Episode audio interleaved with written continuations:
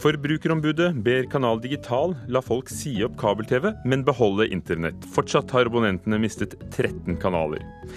Norsk asylkomedie fikk publikumspris under Nordens største filmfestival i helgen. Regissør Nils Gaups film 'Birkebeinerne' er god nok til å bli en fortjent suksess, mener vår anmelder om den filmen, som får premiere til helgen. Og så skal det handle om politiske podkaster med røff tone senere i Kulturnytt. Her i Nyhetsmorgen i NRK. Forbrukerombudet vil komme TV-seerne til unnsetning i striden mellom Telenor-eide Kanal Digital og Discovery. Nå ber hun Kanal Digital vurdere om kundene deres kan si opp TV-avtalen med selskapet, men altså fortsatt beholde bredbåndet. Etter en uke med forhandlinger er fortsatt halve Norge uten 13 kanaler, blant dem Eurosport, Max og TV Norge. Hvorfor er vi som vi er, og hvorfor gjør vi som vi gjør? Hadde dere sex på bryllupsnatten? Nei. Hvor lenge har du klart deg uten mobiltelefon? I kveld er programleder Petter Skjerven tilbake på norske TV-skjermer. Vel, i hvert fall noen av dem. Velkommen til Typisk deg. Sesongpremiere mandag 21.30 på TV Norge. For halve Norge vil ikke få med seg premieren på Typisk deg. En uke etter at 1,1 millioner husstander mistet 13 TV-kanaler, pågår fortsatt forhandlingene mellom Telenor-eide Kanal Digital og Discovery. Partene er uenige om hvor mye Kanal Digital skal betale for å kunne tilby Discoverys kanaler til kundene sine.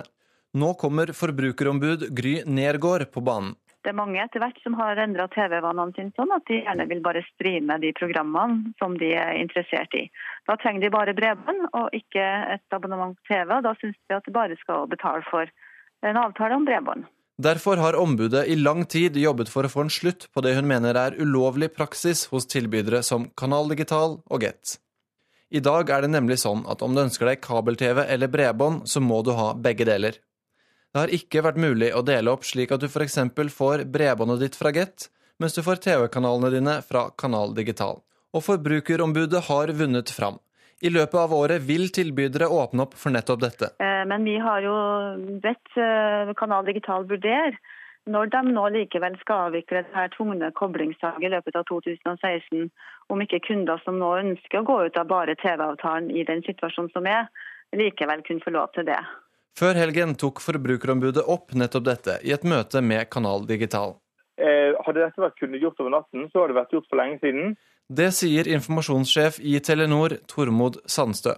Men, eh, men det er en ganske stor jobb som må gjøres, eh, og den skal vi selvfølgelig gjøre på en skikkelig god måte. Og så skal vi da være klar for å ha et nytt oppsett på bredbånd og TV-produktene. Samtidig som han ikke kan gi slipp på TV-kundene nå, vil han heller ikke si noe om når de kan vente seg å få tilbake de 13 kanalene de har mistet. Eh, Som vi nå har sagt siden, egentlig siden nå, eh, onsdag, onsdag i uken som var, så, har vi nå, eh, så velger vi nå å ikke kommentere noe på forhandlingene. Eh, nå lar vi de gå i de arenaene de foregår. Så, eh, men vi sier fortsatt selvfølgelig at vi jobber på for å få en løsning. Eh, det er det eneste vi vil, og så håper vi det kan skje, skje ganske raskt. Og reporter her var Magnus Lutnes Aas.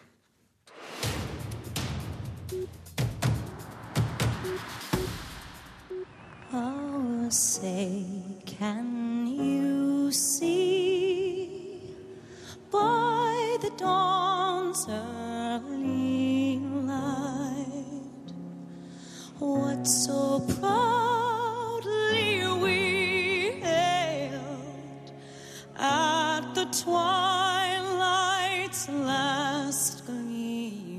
Dette er Lady Gaga som fikk æren av å synge den amerikanske nasjonalsangen foran årets Superbowl-finale i amerikansk fotball, som fant sted i natt.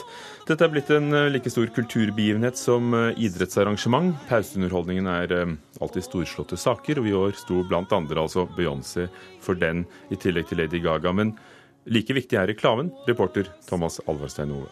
Ja, reklamen det, det er et tema som eh, blir eh, snakket om lang tid i forveien. Hvilke eh, merkevarer får oppmerksomhet? Hvilke kjente personer skal delta i, i reklamene? Og det snakkes rundt lunsjbord, ikke minst på sosiale medier. Og når reklamene har gått på TV, så snakkes det like mye om hvor vellykkede disse reklamene var. Og seertallene er jo forholdsvis store. Nattens seertall er fortsatt litt, litt, uklare, men vi vet at i fjor så, så 170 millioner amerikanere på, på Superbowl. Og hva koster reklamen? Det koster flesk. Eh, opp til fem millioner dollar for en slått på, som de kaller det, på 30 sekunder. Med dagens kurs har det gått over 40 millioner eh, kroner. Eh, totalt i natt ble det brukt 377 millioner dollar, eh, melder eh, BBC.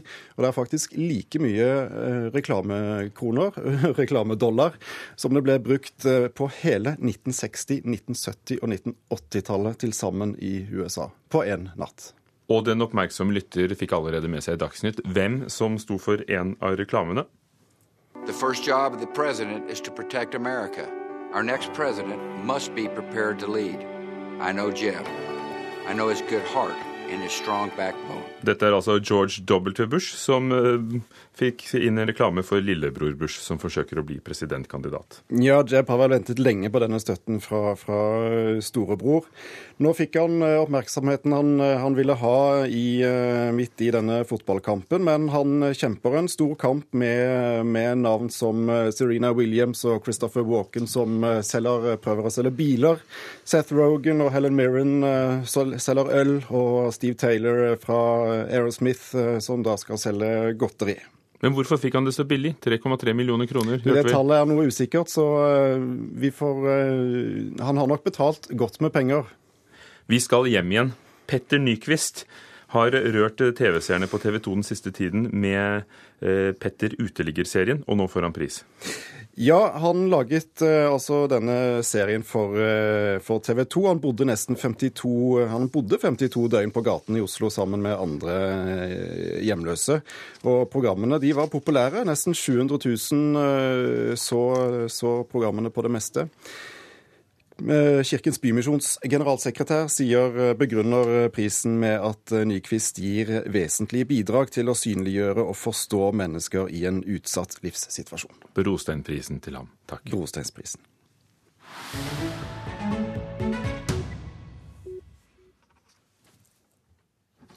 Welcome to this beautiful refugee.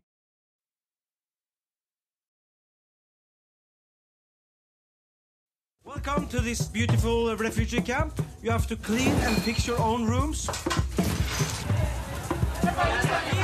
Du kan ikke putte dem i samme rom. mann. Jeg sverger det blir Midtøsten her.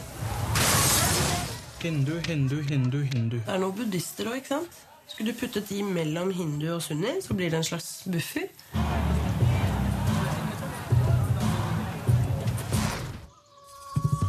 Slik hørtes det ut når en hverdagsrasist og hotelleier, spilt av Anders Bosmo Christiansen, gjør om et høyfjellshotell til asylmottak. I helgen vant komedien Welcome to Norway publikumprisen under filmfestivalen i Gøteborg, som er Nordens største filmfestival. Regissør Rune Denstad Langlo, gratulerer.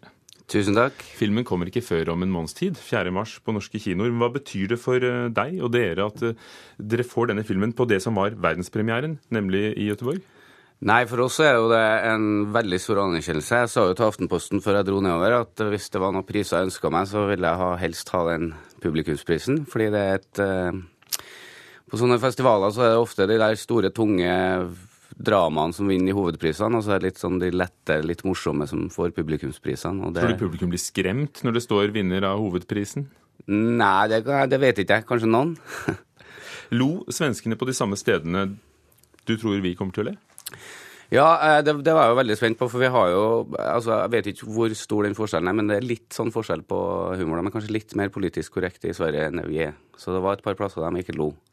Eh, De mista kanskje 15-20% av filmen pga. språklig eh, ja, referanser og alt sånt der. Men, men likevel så vant vi jo publikumsprisen, så det holdt jo det òg, da. Eh, Men jeg tror den kommer til å bli enda morsommere da for nordmenn. Kanskje det var steder hvor de lo inni seg, men ikke torde å le Ja, offentlig? Det kan godt hende, det kunne jeg ha spurt om. Hva er det som gjør et asylmottak egnet for komedie?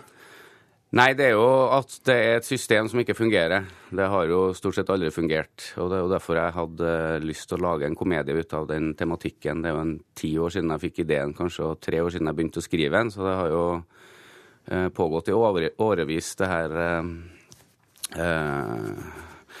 så, så det er et system som ikke fungerer, og når man putter mennesker oppi et system som ikke fungerer, så blir det ofte komedie, syns jeg, da.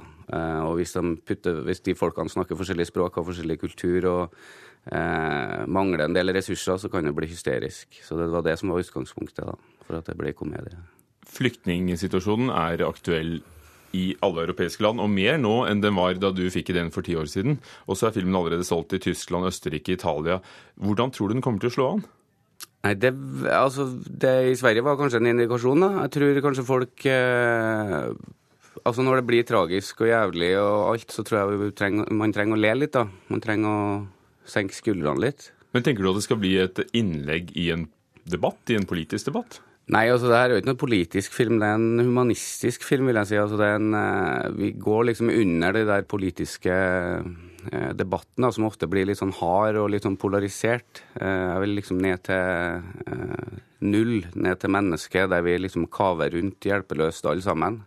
Og så prøve å lage Jeg har bevisst unngått politikk og backstory og alt sånn i filmen. Altså, den foregår i løpet av 14 dager på et høyfjellshotell oppe på fjellet, og det er liksom de 14 dagene med de folkene som står liksom på like fot, da. Men måtte du utfordre egne tabuer også? Ja. I forhold til hvor drøy du kan være med hva det er lov å spøke med? Nei, altså alle folkene som er med og spiller i filmen, som er statister og sånn, er jo uh, opprinnelig flyktninger. De kommer jo hit, uh, vi har 50 statister som er fra hele verden, med grusomme historier. Jeg var jo veldig skeptisk når vi skulle liksom fortelle dem at vi skulle lage en komedie om, om denne tragiske situasjonen, men de syns jo det her var en fantastisk idé, og de syns jo også filmen er like morsom. Takk skal du ha, Rune Denstad Langlo. Gratulerer med publikumprisen rett etter verdenspremieren på filmfestivalen i Göteborg. Og Welcome to Norway har kinopremiere i Norge 4. mars. Arbeiderpartiet, og nå sist Høyre, har kastet seg på en bølge av det å lage podkaster. Begge de politiske partiene vil nå ut til flere, som de sier, men fortsetter å være tydelige motstandere også i disse radioprogrammene, podkastene de legger ut. Podkaster er en arena for nerdene, mener kommentatorer. Det begynner nå. Noe viktig er på gang. At ingen former framtida alene. Ingen skal ha kake før alle har fått brød. Skal være en del av et fellesskap. Det var introen til Arbeiderpartiet sin podkast som kom tidligere i år. De siste åra har det dukka opp podkaster om det meste for de fleste. Og de politiske partiene vil være med på festen. Noen uker etter rivalen kom Høyre med sin Stortingsrestauranten. Kanskje har du hørt podkasten til Arbeiderpartiet? Har du hørt den, Henrik? Jeg har hørt noen minutter av den, og så måtte jeg skru av, for jeg orket ikke å høre på meg. En arena som åpner for en ny type kommunikasjon fra partiet, sier konstituert kommunikasjonssjef i Arbeiderpartiet, Bjørn Tore Hansen. Jeg tror mange egentlig er interessert i å høre politikere og andre snakke i litt roligere, mindre konfliktdrevet format. da. Med ja, tid til å snakke, reflektere litt rundt egen politikk og aktuelle spørsmål. Medan Høyre-podkastere og stortingsrepresentanter Tina Bru og Henrik Asheim vil invitere lytterne inn i gangene på Stortinget. Vårt mål og vårt poeng har jo vært at vi er backbenchere på Stortinget. og Det betyr at vi også vi slipper å ta hensynene som Jonas Gahr Støre må ta. Han er partileder, han er statsministerkandidat. Han kan ikke si sånn ha vet du hva den og den hadde på seg i stortingssalen. Det er ikke, ikke sant? Han kan ikke gjøre sånne ting. Men det kan vi gjøre! For vi er ikke så viktige. Uh, og det er litt av poenget, da. De to partiene har valgt veldig forskjellige strategier, ifølge politisk redaktør og podkastvert i Aftenposten Trine Eilertsen. Altså, Arbeiderpartiet sin er jo veldig arbeiderpartisk, da. Den er litt sånn Den er jo skikkelig Det er stødig. Det er ikke snev av selvironi. Ja, den er for menigheten. Jeg tror ikke noen andre enn Arbeiderpartifolk har glede av å høre om den. Og alle har jo podkast nå om dagen. Alle har podkast. Og Høyre kan jo ikke være noe dårligere, for da hadde jo kampanjeavdelingen vår fått sjokk. Ja. ja, de prøver jo i hvert fall å få til en sånn bak kulissene-effekt. Uh, som jeg, har, som jeg syns er ganske sjarmerende. Uh, de kan snakke friere og være friere, og de har også en tone som gjør at jeg tror ikke det er så mye der som vil bli brukt mot dem, selv om de også kan si ting som de kanskje ikke ville sagt i et avisintervju. Kommentator i VG, Fridtjof Jacobsen, som òg driver politisk podkast, er usikker på om partipodkastene har kommet for å bli. Om liksom podkast er en kanal hvor de politiske partiene kan kommunisere med velgergrupper effektivt, ja, det vil vise seg. Jeg er litt usikker på det. Eh, men det er jo litt sånn når noe blir litt sånn mote. Så I media, som podkaster er nå, så skal jo alle prøve å lage det, tror jeg. Arbeiderpartiet tar kritikken med ro, og er mest opptatt av at de var først. Nei, altså jeg tenker Det er alltid hyggelig når Høyre tar etter Arbeiderpartiet. Jeg skulle jo selvfølgelig ønske at de gjorde det når det gjaldt tiltak for å skape nye arbeidsplasser og bekjempe arbeidsledigheten også, men uh, jeg får vel nøye meg med podkast uh, for øyeblikket. Så står det igjen å se om resten av de politiske partiene følger etter. Jeg syns jo Sylvi Listhaug burde få seg en podkast. Det tror jeg hadde vært en veldig bra podkast. Den skulle jeg gjerne hørt på.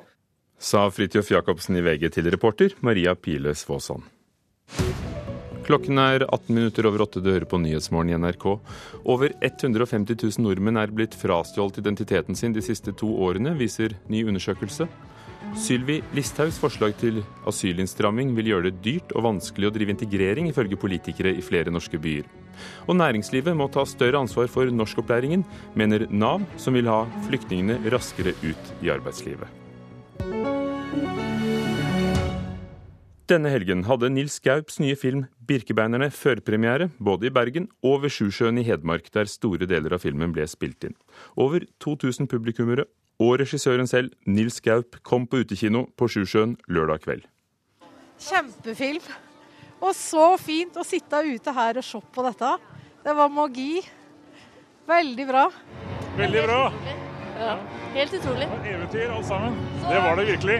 Marianne Kvahl og Stein og Anne Sørum var tre av 2000 fornøyde publikummere etter utekinoen på Sjusjøen lørdag kveld. En spent regissør kunne puste letta ut. Jeg er selvfølgelig veldig nervøs. Eh, hvis folk blir helt stille og begynner å forlate eh, arenaen i løpet av filmen, så er ikke det så eh, koselig. Så det håper jeg ikke skal skje. Nils Gaup har gjort historien om Birkebeinerne til en actionfilm. Det, det, viktigste har vært å lage en film som eh, når fram til folk. Eh, som folk vil se.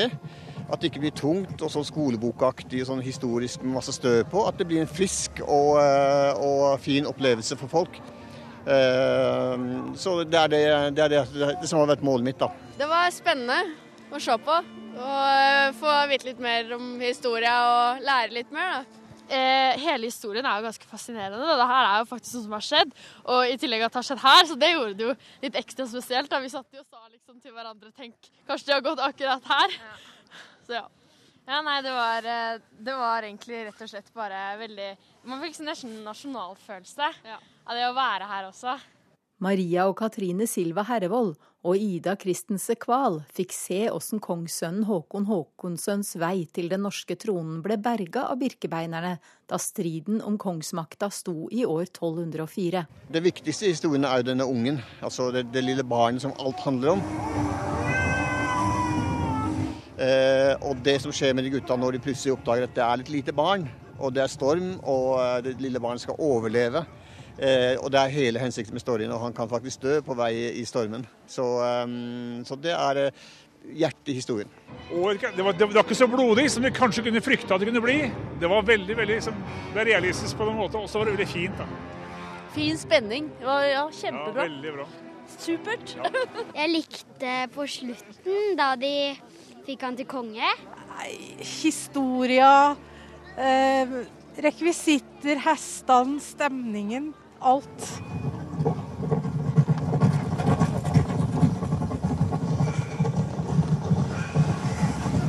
Og reporter var Jorunn Wang etter utekinovisningen på Sjusjøen. Birkebeinerne har altså norgespremiere førstkommende fredag. Vår anmelder Birger Vestmo mener den er god nok til å bli en fortjent suksess for regissør Nils Gaup. Er det du som er Inga fra Varteig? Ja. Vi er birkebeinere. Du må bli med oss. Nesten 30 år etter den fantastiske debuten med 'Veiviseren' er regissør Nils Gaup på en måte tilbake der han starta, med barske menn med pil og bue på ski. 'Birkebeinerne' har flere paralleller til Gaups første film, men står støtt på egne ben som et snøfylt actioneventyr basert på historiske begivenheter. Det blir kanskje ikke pusta nok liv inn i alle figurene, og sjøl heltene får litt for lite spillerom. Men filmen lever godt når den utvikler seg til å bli noe vi nordmenn er i overkant opptatt av, nemlig et viktig og spennende skiløp. Kong Håkon er død. Snart vil kirken ha makten i hele Norges rike. Året er 1204. Kong Håkon Sverreson dør, og rådgiveren Gisle, spilt av Pål Sverre Hagen, higer etter tronen. Men kongen etterlater seg en liten sønn, Håkon Håkonsson, som er gjemt bort hos mora på Østlandet, der de danskstøttede baglerne har kontrollen. Soldater sendes ut for å finne og drepe Håkon, men birkebeinerne Skjervald, spilt av Jakob Oftebro, og Torstein, spilt av Kristoffer Hivju, redder han og legger ut på en farefull ferd mot Nidaros for at det lille barnet kan ta sin rettmessige plass som den nye norske kongen. Vi tar vare på han. Du har mitt ord. Filmen etablerer premisset for historien kjapt og effektivt, og signaliserer at Nils Gaup ikke har til hensikt å kjede sitt publikum. Det gjør han heller ikke på noe tidspunkt i filmen. Trefningene mellom birkebeinerne og de jaktende baglerne skjer med hyppige mellomrom i dramatiske sekvenser som er godt iscenesatte, filma og klippa. Baglerne kommer! Få kongsfellen vekk herfra! Både Jakob Oftebro og Kristoffer Hivju spiller så godt som vi er vant til at de gjør, og de takler filmens fysiske utfordringer på en høyst overbevisende måte. Det som skuffer litt, er at de ikke får tid og rom til å gjøre mer med figurene sine. Det blir aldri etablert en dypere forståelse for hvem Torstein og Skjervald egentlig er, eller hva som ligger bak deres motivasjoner. Derimot har manusforfatter Ravn Landeskog gjort en god jobb med å antyde det storpolitiske spillet som er i gang, med stadige hopp til kampen om tronen i Nidaros, der Gisle, spilt av Pål Sverre Hagen, og broren Inge, spilt av Torbjørn Harr, er sentrale aktører. Vi er bønder. Vi er ikke krigere. Men vi kjemper for det vi er glad i. Birkebeinerne er mer enn gode nok til å bli en fortjent suksess på norske kinoer. Nils Gaup underholder drevent med en historie som holder både farten, spenninga og temperaturen mot konklusjonen. En flik av Norges historie blir levendegjort med imponerende kostymer, kulisser, effekter og figurer i et vinterkvitt landskap, flott fotografert av Peter Mokrosinski. Figurene mangler litt kjøtt på beinet, og burde hatt litt mer eksposisjon for å øke engasjementet og forståelsen for hva som står på spill. Men jeg er ikke i tvil om at Birkebeinerne har høye besøkstall i vente denne ettervinteren. Birger Vestmo om Birkebeinerne som kommer på kino på fredag. Oslo Runway er et nytt motearrangement, fortsatt nytt fordi det er andre året på rad, som eh, åpner i morgen. Og foregår også eh, i to dager Nei, i dag åpner det. I, morgen, I dag og i morgen i Operaen i Oslo. Og der viser norske designere som Johnny Love, Baitimo, Holsweiler, for å nevne noen få navn. Og Ditte Christensen, du jobber i This Is PR. Det var dere som dro dette i gang. Hva var det dere ville? Eh, først og fremst vil jeg bare si vi starter i morgen. Det var i morgen, ja. Så det var riktig. Og onsdag. Det var riktig først. Vi, eh, vi bygger opp i dag, men vi, det, vi starter i morgen klokken tolv. Men hva vil dere? Hvorfor vil dere lage Oslo Runway? Hvorfor vil vi lage det? Fordi vi vil gi um, de norske designere en ordentlig visningsarena. Hvor de kunne komme frem og vise deres nyeste kolleksjoner. Hva skiller dere fra de motukene Oslo Fashion Week og de forskjellige tingene vi har hatt før? Altså Vores hovedfokus og det vi gerne vil have frem, det var liksom vi ville fokusere på innkjøperne og på pressen, som er de viktigste for designerne for å få igjennom deres øh, kolleksjoner. Få solgt deres kolleksjoner og få det ut i mediene. Vi nevnte det så vidt for eh, noen uker siden også, da dette sto på trappene og vi fikk vite hvilke navn som skulle delta. Og da sa Dagens Næringslivs eh, motekommentator at det er en godtepose for de moteinteresserte. Veronica B. Valnes, designer bak merket ved samme navn. Hva, hvilke biter legger du i godteposen? Um, vi, ja, vi, jeg gleder meg veldig til å få vist frem kolleksjonen din nå, som er ny. og Min kolleksjon er basert på sånn avslappa eleganse og eh, klassiske plagg i gode kvaliteter, som kan vare i flere år. Og det du viser nå, er for hvilken sesong? Det er for neste sesong. For neste vinter. For neste vinter allerede. Et Mm. hestehode foran. Ja. Du har tidligere vist på Motuken i København. ja. Hvorfor ønsker du å ta det til Norge? Vil det ikke være et poeng nettopp å vise der hvor det er størst mulig? Jo, nei, vi viste i København i eh, ti sesonger, og så har jeg faktisk jeg lengta etter en ordentlig plattform å vise det på i Norge også. Og nå syns jeg virkelig det har kommet. Jeg syns de er utrolig profesjonelle og har en veldig god gjennomføringsevne, Oslo Runway. og jeg syns det er godt å støtte opp om dette. Men kan du måle det også kommersielt? Altså Får du flere ordrer etter å ha vist? Kan du mer oppmerksomhet? Ja, det er mer oppmerksomhet fra de norske kundene, og det, er- de norske kundene er veldig viktige for oss. Så det har en utrolig positiv effekt. Ditte Christensen, du jobbet jo også med eh, Copenhagen Fashion Week. Hva er det de har fått til som dere kanskje For, for, for dem har det jo vært snakk om i mange år. Ja, altså nå skal vi jo huske på først og fremmest, at Danmark har en lengre historie, når det kommer inn for øh, modehistorien, ikke sant? Så det er litt at de har holdt på i såpass lang tid, og det er jo hele Danmark, der støtter opp omkring, når det er modeuge. Alle folk ved det. Her har vi liksom haft øh, vært i gang siden august øh, på ordentlig vis, og det tar sin tid å bygge det op. Men vi har fået til utrolig, utrolig meget på veldig kort tid. Øhm, både at vi får utenlandspresse, men vi får også øh, en masse norsk presse. Vi har dem med i ryggen og støtter opp omkring det. For dette er for pressen og bransjen. Presis. Vanlige folk kan ikke gå og løse billett. Men du som da var på innsiden av København Moteuken, eh, hva tar du med deg derifra? Øhm, hva jeg tar med meg? Nei, altså vi er jo meget struktureret der, øhm, og jeg tror litt sånn at uh, kjerneverdiene i hva det er et modshow det skal ha. Du skal tenke på, et modshow varer ti minutter. Vi arbeider på det et halvt år i forveien. Designerne så meget, og man bruker ekstremt mye økonomisk på det. Det er ganske tøft, Veronica Valnes, å ha ti minutter hvor alt skal vises. ja, ja, det er det. Det ligger jo utrolig mye arbeid bak. Men uh, derfor er det også veldig viktig at uh, de som arrangerer det, er profesjonelle, sånn som Oslo Runway er, så du får igjen for det. Er det noe som kjennetegner norsk mote? Det er vanskelig å si, det er, men jeg synes i løpet av de siste årene så har det skjedd en utrolig utvikling i norsk mote, så det er veldig positivt, det som skjer. Takk. Og det får vi se på Oslo Runway i morgen og i overmorgen. Yes. Veronica Valnes og Ditte Christensen. Kulturnytt i dag var ved produsent Lisa Stokke og programleder Ugo Fermariello. Dette er Nyhetsmorgen i NRK.